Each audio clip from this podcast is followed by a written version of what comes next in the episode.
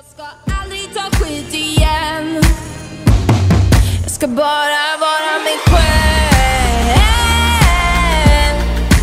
bara få vara mig själv Hej och välkomna till ett nytt avsnitt av Glow Snack. Hej Klara! God morgon Maria! Hur mår du?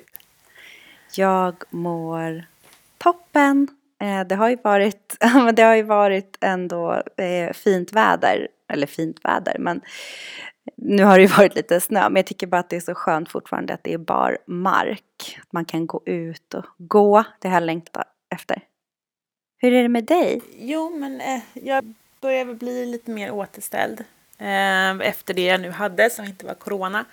Eh, men jag känner fortfarande inte att jag är liksom helt kry, vilket man kanske hör på mig. Nej, men jag vill bara bli kry. Jag vill bara bli frisk, jag vill bara börja träna. Jag vill, jag vill bara ge mig ut i, i livet igen.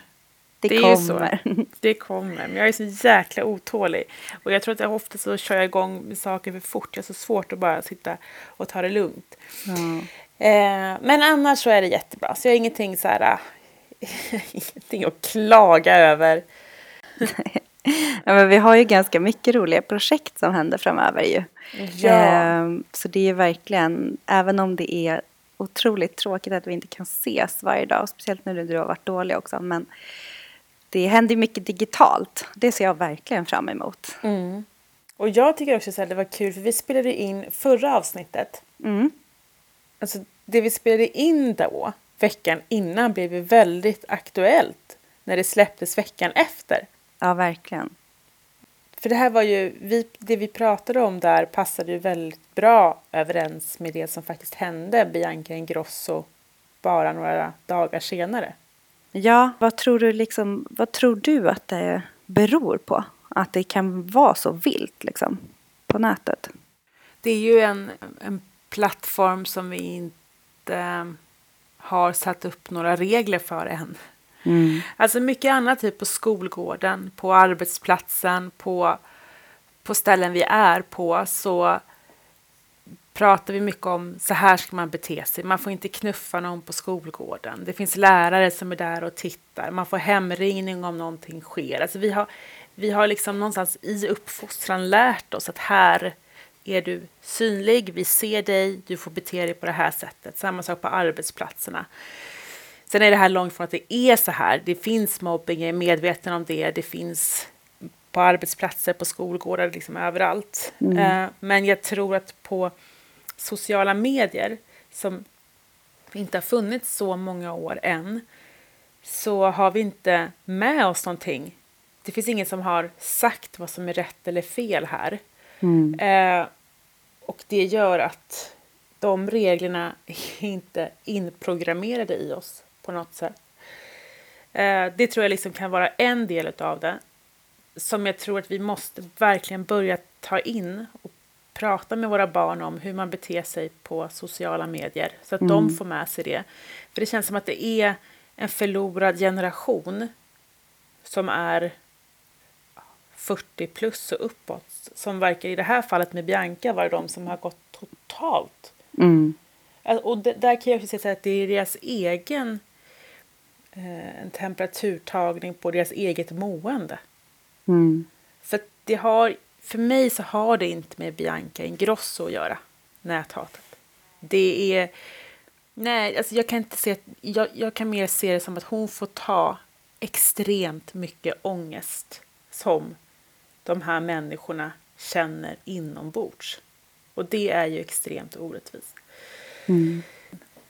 Nej men eh, absolut, jag kan hålla med. Och sen så tänker jag mycket så här, om man tittar på typ när Facebook kom så var ju det ett ganska nytt eh, forum.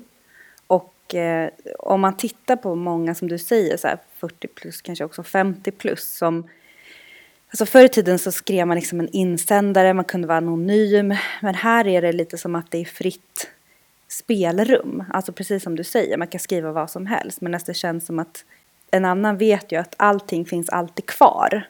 Jag skulle aldrig ställa mig och skrika någonting eh, mot någon. Och det är samma sak som eh, på sociala medier. Så jag tror att det är jätteviktigt, precis det som du säger också. eh, att man pratar om det och också att man förstår att det finns en person bakom. Det finns precis, det finns en person bakom haten. En person bakom den som får ta emot haten. Mm. Och sen så har man ju rätt, man ska ju alltid såklart ha rätt till att liksom, för det är det som många kan gömma sig bakom, att, att man ska få kritisera och man ska inte få göra liksom saker oemotsagt. Och, men, men det kan jag känna mer är, man kan ju göra saker eh, och fatta beslut och liksom göra saker som är fel, men man måste ju också kunna ta en en dialog och inte bara hata. Alltså konstruktiv kritik tror jag inte att någon har någonting emot när man kan ta en debatt. Men när det blir så här så är det ju, alltså det är ju mobbing. Det är det jag menar. Jag tror inte det handlar om personen som får ta emot det. Det, är inte, det handlar om personen som ger uttryck för hatet. Det, det som personen skriver kan man ju egentligen likställa med det som den säkerligen känner som ett misslyckande hos sig själv. Mm. Eller någonting som gör att den stör. Alltså det, är, ju- det är ju mer där jag att känslan för den som skriver. För skriver man konstruktiv kritik så tänker jag att då vill man ju på något sätt så här, äh, nå fram. Mm. Eh, jag vill på ett konstruktivt sätt säga till dig, Klara, att när du uttrycker dig på det här sättet så sårar du mig på grund av det här. Men om jag enbart hatar på dig Mm. då handlar det ju inte längre om dig. Utan det handlar ju mer om en frustration inom mig som jag vill få ut. Där du blir måltavlan för den frustrationen. Mm. Då är man liksom på en helt annan... Kontaktnivån är ju inte kvar. Alltså, vid konstruktiv kritik så är ju kontakten med mitt budskap kvar. Jag väljer att uttrycka det på ett sätt där jag är kontaktbar med det jag vill få fram och jag är i kontakt med dig för att jag vet att det ska landa rätt. Men vi väldigt mycket, när det hat kommer, då känns det som att det är bortkopplat. Man lägger bilen i friläge och bara kör. Alltså lite som ett barn typ som tar en kaka och så märker man att oj, det här såg ingen. Jag kan ta en kaka till. Till slut sitter man med hela kakburken och äter upp. Eh, Jag tror liksom på samma sätt, om man sätter en negativ kommentar på sociala medier och sen en till och sen en till och till slut så har man lagt den här bilen i friläge för det är ingen som ser att det är du. Och det är här som jag tror blir farligt liksom i det här klimatet. Mm. För att om du är på skolgården och slår någon så ser du att den här människan får ont. Exakt. Eh, och om du inte själv har spärren och slår igen och igen och igen så förhoppningsvis så ser någon annan på skolgården att shit, det här, nu kommer den här, man döda den här människan om du slår en gång till. Men på sociala medier får du ju aldrig den responsen. Och därför kan du ju då slå och slå och slå och slå och slå och slå och slå. Ja usch, det kan inte vara lätt alltså. Och vad, vad den, alltså kanalen. Nej, och det var ju det som vi eh, pratade om i förra avsnittet, just det här med, med hatet. Eh, men på samma sätt så tror jag att det är liksom är en problematik. Sen är det det som jag också tyckte var så himla fint, och jag kände ju också så här spontant när jag såg hennes inlägg, att jag var tvungen att bara lägga ut själv någonting. Och det, sen såg jag att alla hade gjort det. Mm. Eller inte alla, långt från alla, men många hade gjort det. Ja. Ja, och det var ju det som också blev en så häftig motkraft kring att hon också visade sig sårbar i det här. Att hon visade så här, det är att man slag på slag på slag på slag syns inte, men hon visade ju nu. Så här ser jag ut nu. Mm. Det här har ni fått mig att känna. Det här är resultatet av de slag jag har fått tagit emot.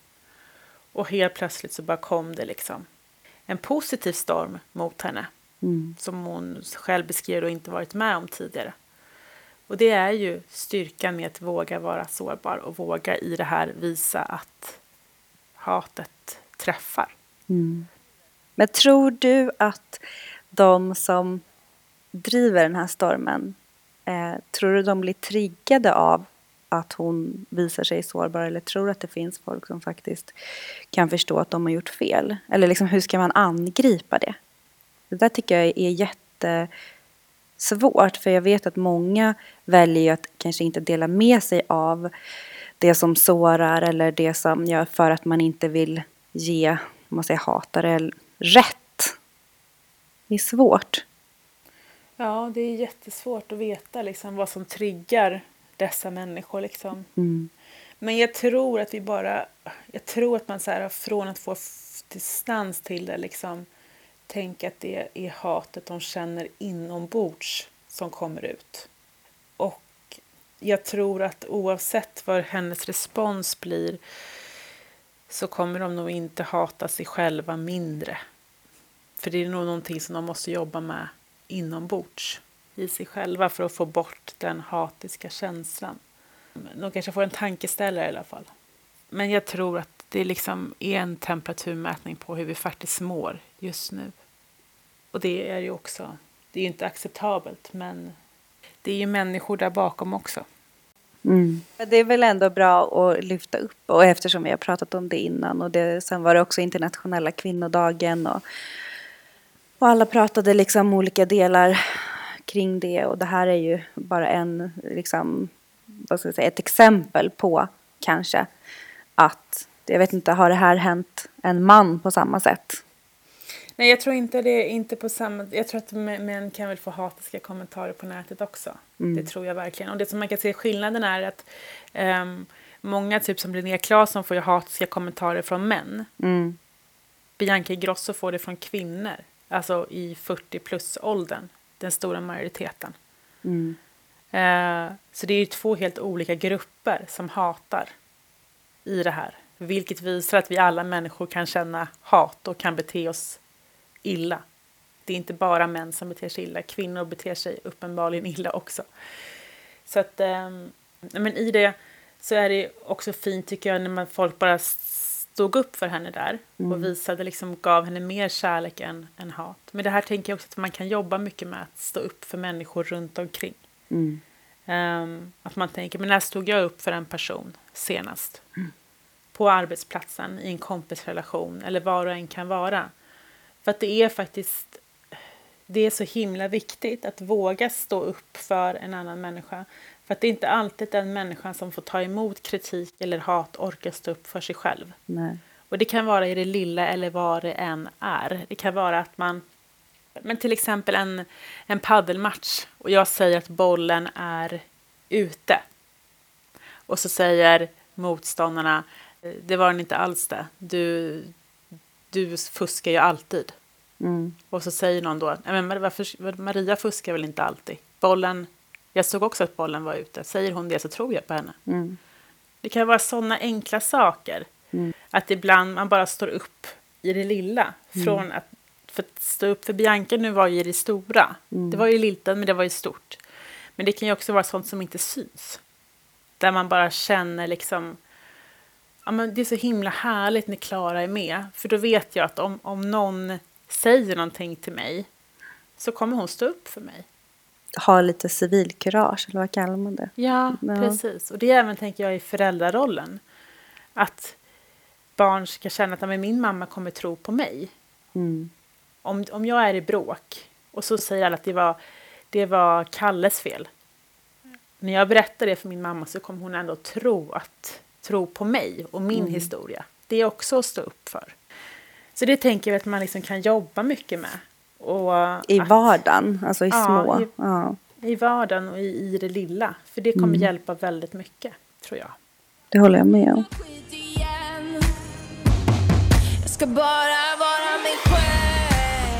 Och nästa eh, intervju som jag har är med Ebba Busch Thor. Mm jag tycker att det är fantastiskt med den liksom bredden som vi har på intervjuerna. Och en intressant del när du intervjuar de som är så pass mediatränade blir ju kul eh, att det kan bli lite andra vinklar.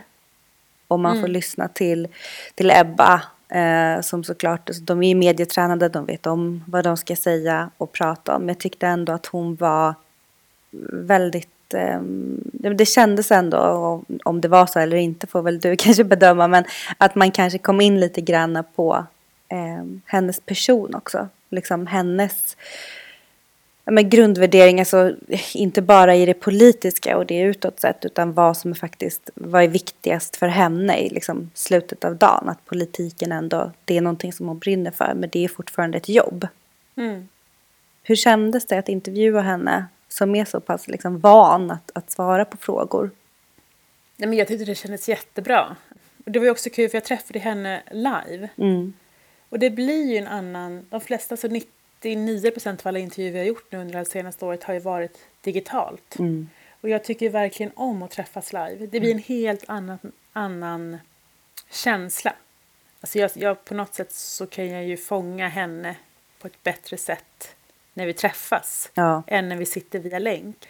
Och det tyckte jag var väldigt häftigt. Eh, och jag hoppas att det kommer nå ut också. För oavsett vad man tycker om Ebbas politiska åsikter, eh, vilket parti man än röstar på, så är ju hon också en människa bakom, bakom det, precis som du säger. Och det är den som jag ville träffa i intervjun. Mm. Är det någonting som eh, liksom chockar dig med intervjun? Nej, det jag tänkte lite innan, som var lite mina förutfattade meningar, det var att jag undrade ju innan, kommer hon vara en sån person som inte ser mig innan micken sätts på? Mm. Förstår du vad jag menar för känsla om person? Absolut, ja. Eh, men där blev jag väldigt chockad över att det absolut inte var så. Hon var verkligen varm och närvarande från att jag öppnade dörren. Mm. Hon var precis samma person på och av kameran, eller micken. Och det var inte så att jag trodde hon skulle vara så, men tanken slog mig. Att ibland när man, när man träffar människor så kan det vara så här äh, att de har mobiltelefonen när de är stressade och det, de, de hinner titta knappt på mig när jag... Eh, det behöver inte vara intervjupersoner i... eh, Nej, det kan ju vara. det kan vara vilket sammanhang som helst. Eh, och sen eh, när micken slås på så slås de på. Mm. Men så kände jag inte med Ebba. Eh, utan där var det, hon var liksom närvarande och precis på samma sätt på och av mikrofonen. Och det är härligt. Jag vet inte om det var svar på din fråga men Jo, du träffade ju också jo, men henne. lite.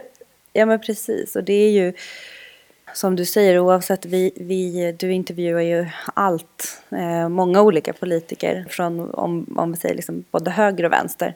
Och det är alltid intressant att se personen bakom.